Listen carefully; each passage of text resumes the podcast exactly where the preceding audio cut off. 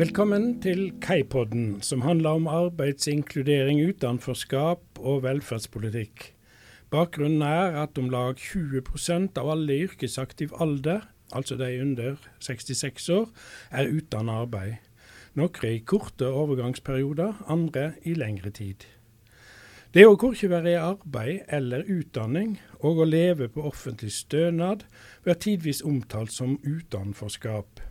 Det politiske målet er å få flere av disse i arbeid, og samtidig sikre at de har rett til stønad. Å balansere denne retten til stønad med et ønske om å få dem i arbeid, kan være krevende. Årlig bruker vi om lag 9 milliarder kroner på arbeidsretta tiltak i Norge. I dag stiller vi spørsmålet medvirker disse tiltakene til at flere kommer i arbeid, og spiller det noen rolle om tiltakene skjer i offentlig eller privat regi. Det er jeg, Lars Inge Terum, som er vert uh, for Kaipodden. Når jeg ikke er her i studio, er jeg professor ved Oslo OsloMet. Forkortinga KEI viser til Kompetansesenter for arbeidsinkludering, og er her ved Storbyuniversitetet Oslo OsloMet. Gjest i dag er Helene Berg, sosiolog og forsker ved virksomheten Proba samfunnsanalyse. Velkommen. Takk skal du ha. Helene, du har de senere åra leia flere prosjekt som har studert tiltak som har som mål å få flere i arbeid. Og Da må vi starte med noen litt store, overordna spørsmål. Eh, det er jo slik at man i politikken og ellers er veldig opptatt av at tiltak skal ha effekt. Eh, og Det første jeg lurer på, det er i hva grad vi har noen forestillinger om den samla effekten av alle arbeidsretta tiltak hva den effekten er på sysselsettingsnivået i Norge? Mm. Det er et kjempestort spørsmål. det er helt sikkert. Og det fins vel ikke noe forskning jeg kan vise til, så det blir Eller litt uh, eh, fins. Uh, eh, hvis arbeidsmarkedstiltak skal føre til økt sysselsetting, så må jo det bety at når man får noen i jobb, så skaper det mer aktivitet, ikke sant, totalt sett at det tilfører noe. At en ekstra person kommer i jobb. Um, så det kan skje, men man vet vel egentlig ikke.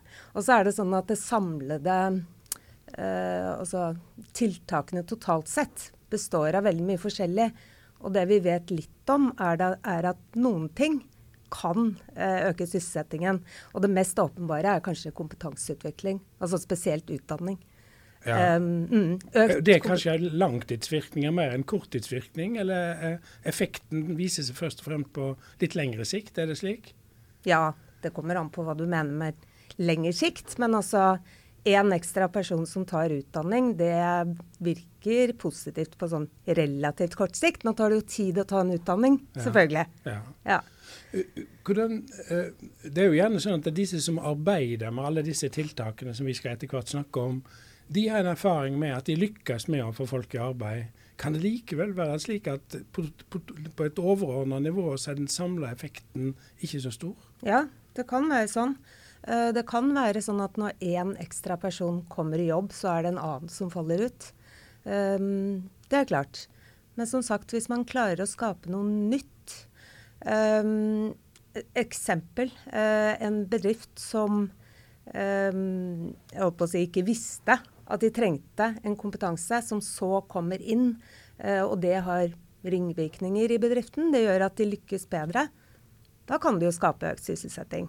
Men det er kanskje en utopi. Um, de som jobber med tiltakene, ser jo ikke det. Um, så det er et forskningsspørsmål. Ja. Men uh, forskningen kan ikke svare på det foreløpig. Nei, og så er det vel igjen også slik at, at uh, at uh, vi forskere vi måler ofte overgang fra stønad til arbeid, eller at man går av mm. stønad eller sånn. Mm. Men så er spørsmålet hvis man har kommet over i arbeid, hvor lenge blir man i arbeid før man eventuelt ramler ja. tilbake på stønad? Ja. Fins det mye studier som ser på langtidseffekten av disse tiltakene? Nei. Det gjør det egentlig ikke. Og én grunn til det er vel at man må følge folk så lenge at forskningen nesten blir uakt... Eh, hva heter det? foreldet ja. uh, før man kan observere det. Ja. Ja. Så, så, har jeg et annet litt stort spørsmål som jeg vil stille innledningsvis. Uh, og Det er jo debatten om hvem som skal uh, sette i verk disse tiltakene. Uh, og Går det an å si noe sånn allment om resultatet har vært bedre når de arbeidsretta tiltakene skjer i privat regi, jf. med at de skjer i offentlig regi? Nei, det er fordeler med Eller det kan være fordeler med begge deler. Um, offentlig regi, det er jo Nav i Norge. og det er klart at det at Nav driver tiltak selv, det kan øke kompetansen i hele organisasjonen. Uh, det blir ofte påstått. Sånn at Nav totalt sett blir flinkere til å få folk i jobb.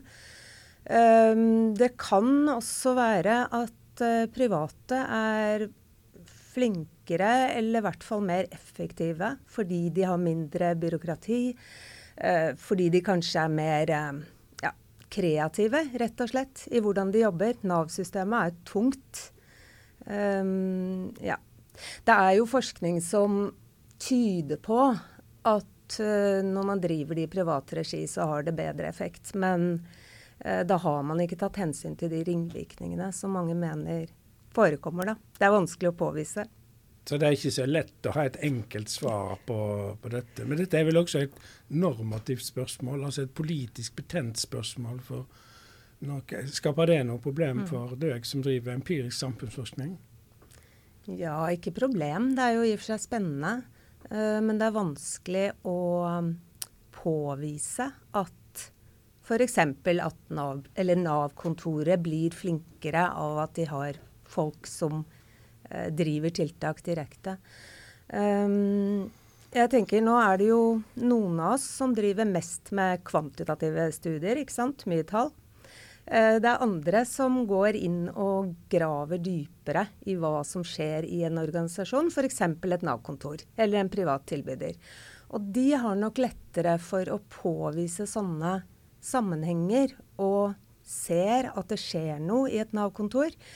Men på den annen side så er det veldig vanskelig å generalisere. Er det sånn for Nav som helhet, hvis du har studert tre Nav-kontorer? Ja, og så kan det vel også være vanskelig å få, få tak i effektene. altså Få presis tak i hva er det som har eventuelt har ført til altså Hva er konsekvensen av endringen? Ja. ja. Det, ja. ja. Um, som en del av denne strategien om å skape mer myndige Nav-kontor, så har det vært et politisk mål at Nav-kontorene i større grad skal tilby oppfølgingstiltak. Hva har vært grunngjevinga for det? Hvorfor har det vært et, et mål?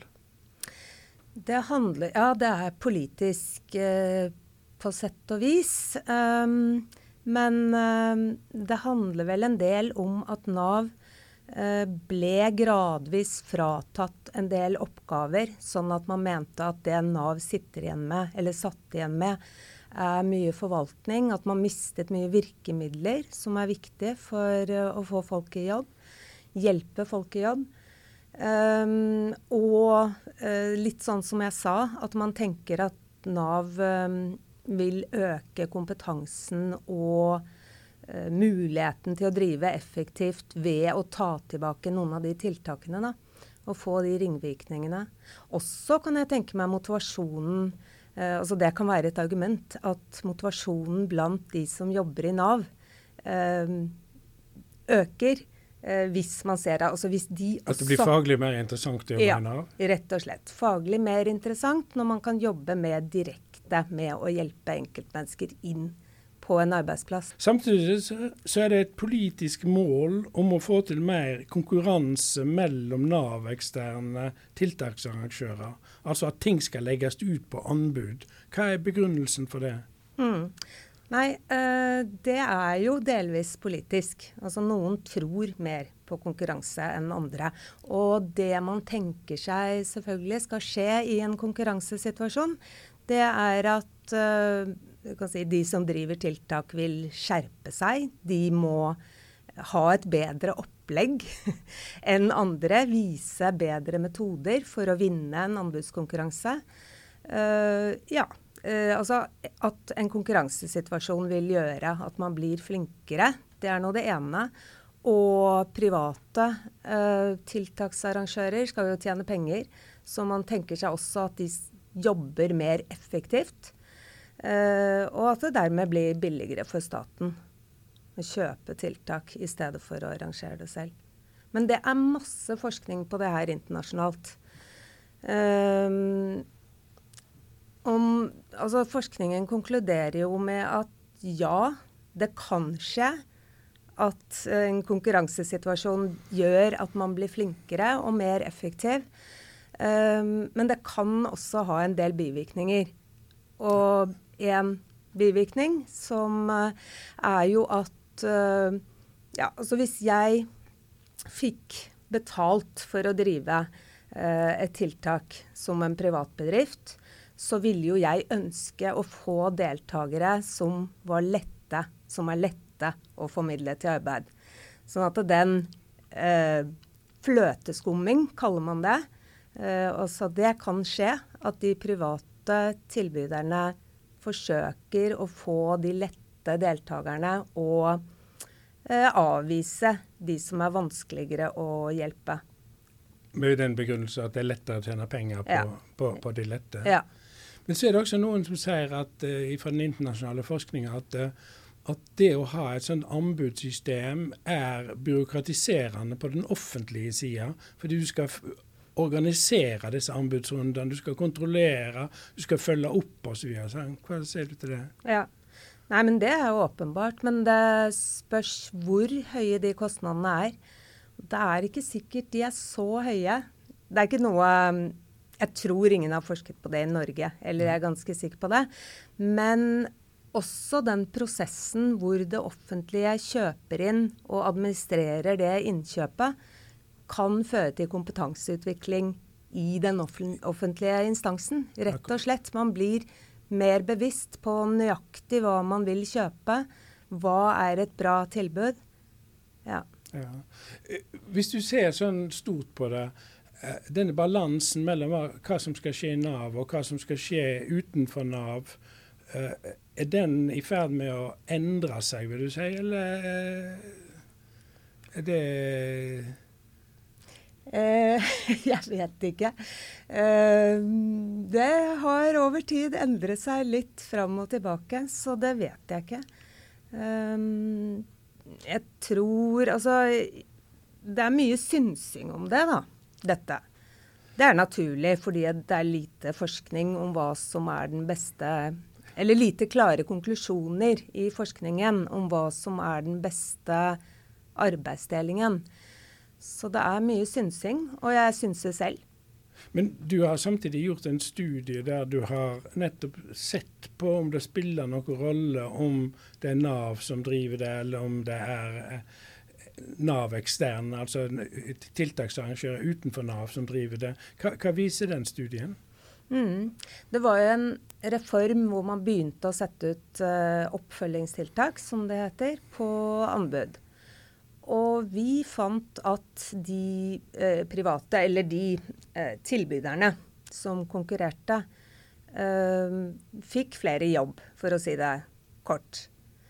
men forskjellen eh, mellom det gamle systemet, eh, hvor man ikke kjøpte dette ved konkurranse, forskjellen var ikke veldig stor. Eh, og vi konkluderte også med at det er ikke sikkert at det var konkurransen som skapte den eh, kvalitetsforbedringen. Det kan hende at eh, nettopp det Nav gjorde når de kjøpte inn tiltakene, at de spesifiserte veldig nøye, noe de ikke hadde gjort før. De spesifiserte veldig nøye hva det var de skulle ha. Uh, så fikk de det. Eller i hvert fall det, det, er dårlig kvalitet i dag også. Det er det selvfølgelig. Men uh, ja.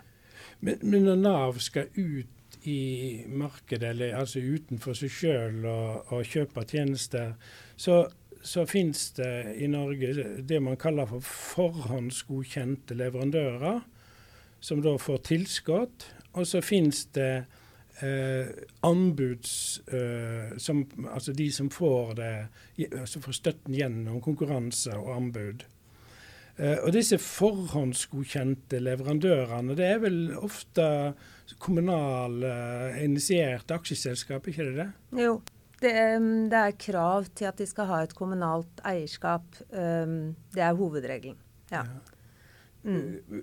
Oppfatter du disse forhåndsgodkjente leverandørene, man kaller det også av og til for skjerma sektor, eller skjerma, er det offentlig eller privat virksomhet? Det er en hybrid, på en måte. Nei, de har nok over tid utviklet seg i mer hva skal vi si, kommersiell uh, retning. Det har de. Uh, men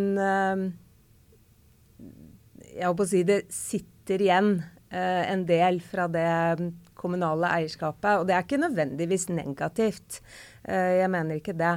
Det er masse kompetanse der, eh, selvfølgelig. Men eh, de har utviklet seg en del pga. selvfølgelig deres marked. At de har vært nødt til å bli mer markedsrettet. ja, og Det er vel også sånn. et politisk ønske. For den reformen mm. som du snakket om i 2015-2016, mm. den hadde vel nettopp som mål om å også inkludere de i anbudskonkurranse, at de må i større mm. grad konkurrere om tiltakene. Stemmer ikke det? Jo, det stemmer.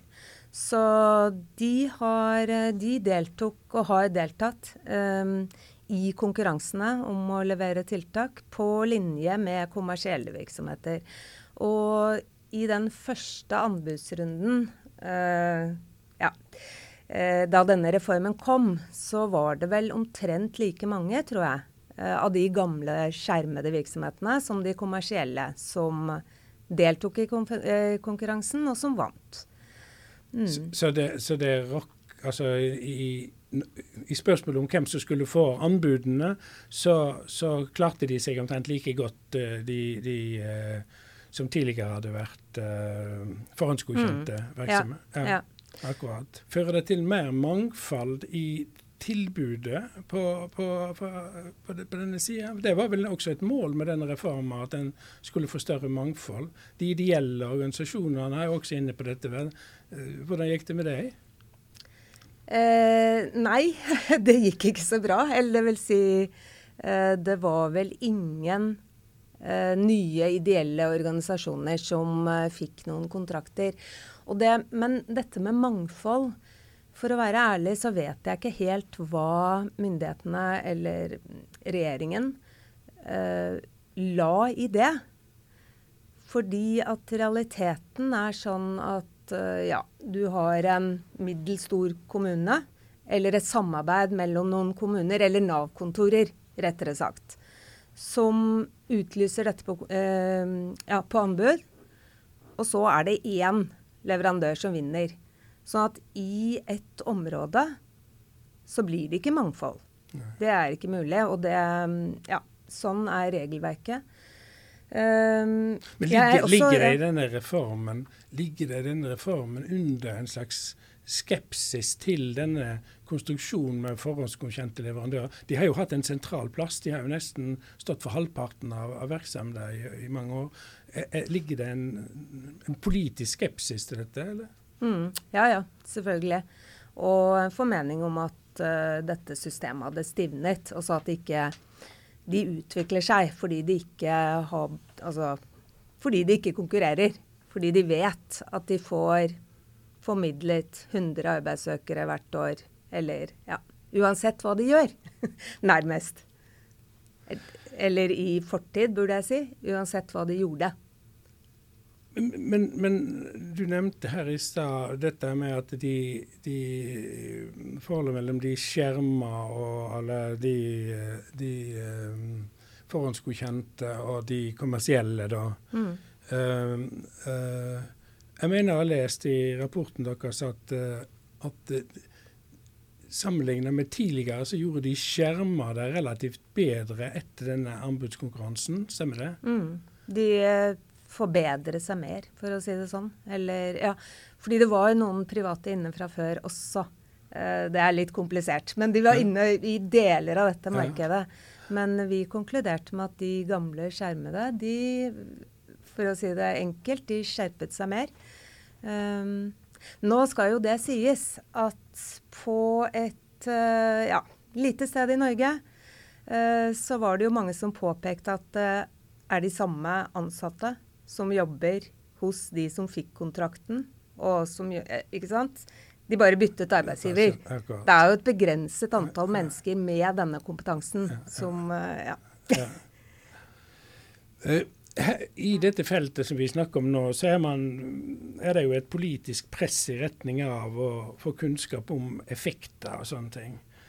Men samtidig er det jo veldig komplisert uh, å si hva som er effekt av hva. Og I dette feltet så er det jo særlig to størrelser som er sentrale. Det ene er om det tiltaket som man utvikler, har en effekt. Og det andre er om rekruttering eller deltakerne som går inn i tiltaket, påvirker dette.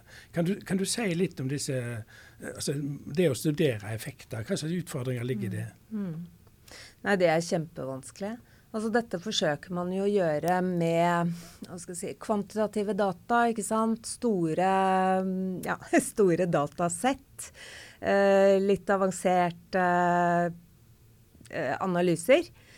Eh, for å forsøke å skille det. Man forsøker å rett og slett sammenligne like personer Eh, med en kontrollgruppe. ikke sant? Man har en, et antall deltakere i disse tiltakene, og så forsøker man en, å finne en lik gruppe personer for å sammenligne hvordan tiltaket virker. Og da tenker man at da skal man klare å fastslå at disse personene er like, så det var tiltaket som gjorde forskjellen. Men det å finne like personer, for å si det enkelt, eh, det klarer man jo ikke. Um, og det er jo åpenbart at uh, hvis du prøver å hjelpe en arbeidssøker som er Altså, det er ikke sikkert det lar seg måle med utdanningsnivå. En som er litt uh, enten umotivert eller har noen utfordringer, problemer, uh, som ikke lar seg måle ved hjelp av sånne data, så er det jo mye vanskeligere enn å jobbe med en motivert. Ja, så, så, det, så det er, som du sier, vanskelig å ha kontroll på om deltakergruppa har endra seg, eller om deltakergruppa er den samme i ulike tiltak. Og Det kan vel også være sånn at uh, noen tiltak tiltrekker visse deltakere. Altså at det er en sammenheng mellom tiltakets utforming og hvem som blir deltakere også. Dere fant jo f.eks. i en studie uh, her tidligere at folk som gikk på arbeidsavklaringspenger, og som hadde lønnstilskudd, de viste dere fram at det kom de hadde en størst sannsynlighet for å komme i arbeid, på tross av at det var de tyngste deltakerne ut fra de målene dere hadde. Mm. Ja, det var et overraskende resultat. Men uh, om det hadde så mye å gjøre med at deltakerne var uh, annerledes, uh, det vet jeg ikke. Men altså, som du sier, så ble det brukt et lønnstilskudd i det tiltaket der. Og lønnstilskudd er noe av det man mener har aller best effekt. Altså så, så det var lønnstilskudd og ikke, ikke ja. AP-mottakeren ja, som var det ja, sentrale? Ja, jeg vil tro det. Uh, ja. Men, men, så når man, når man uh, ser på tiltakene, så er man veldig opptatt av at uh, ja, metodikken eller måten, metoden man jobber på, den er forskjellig mellom ulike tiltak. men så er det også at det, det er personer som er i disse tiltakene. og i terapiforskningen så har man jo funnet at effekten av metoden kanskje ikke er så, altså, forklarer ikke så stor forskjell. Men utøver eller relasjons, altså det menneskelige, mm. eh, er veldig viktig. Mm. Hvordan får man kontroll på det? Eh, nei, kan man få kontroll på det? Ja, man kan jo i og for seg det. Um, det menneskelige blir jo også påvirket av ja, skal jeg si, uh, fagmiljøet som er rundt deg hvordan den bedriften eller Nav-kontoret du jobber i, rekrutterer nye medarbeidere. Og så En organisasjon kan også jobbe med de menneskene som de har ansatt, ikke sant. Um, Vet, hva vet man om kompetansen til disse som jobber med det, i dette? Er det, er det stort sett folk som har sosialfaglig kompetanse, høyere utdanning, eller er det først og fremst kompetanse om arbeidsmarked og sånt som det står om? Ja, det er veldig varierende. Eh, flere av disse tiltakene har eh, ansatte som har eh, veldig stort Altså det er stort mangfold av kompetanse. Men det har vært en dreining, eller en forskyvning, fra mer sosialfaglig kompetanse til mer skal vi si, markedskompetanse, for å si det enkelt.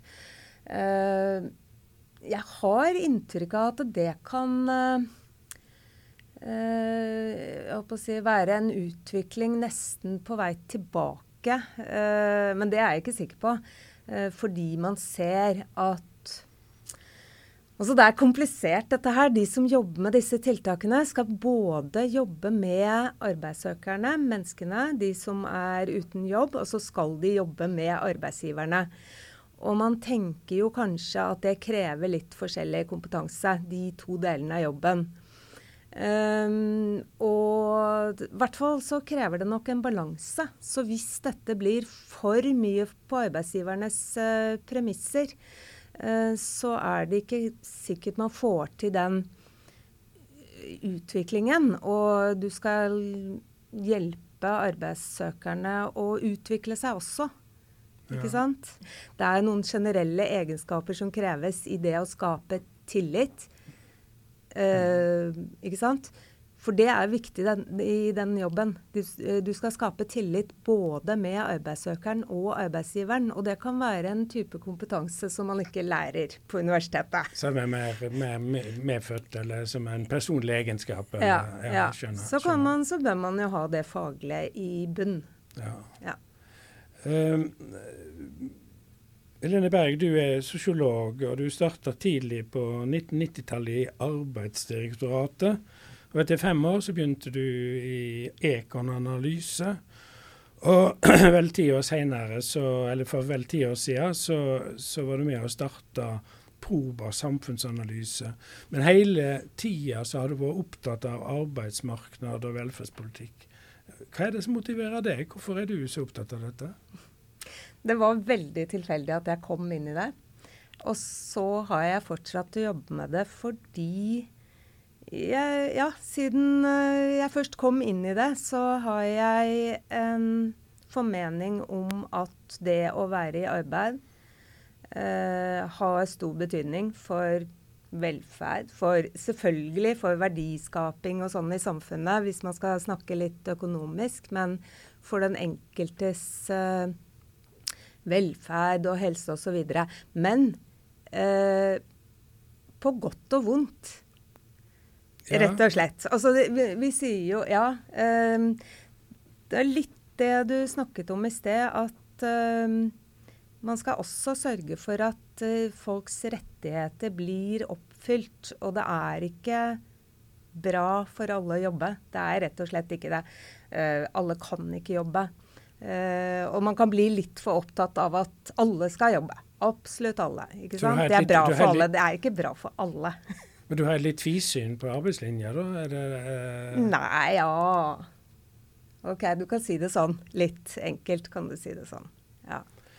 Om du er interessert i å gjøre deg kjent med publikasjonene til, eh, og forskninga til Helene Berg, så kan du gå inn på nettsida til Proba samfunnsanalyse, som har adressa proba.no.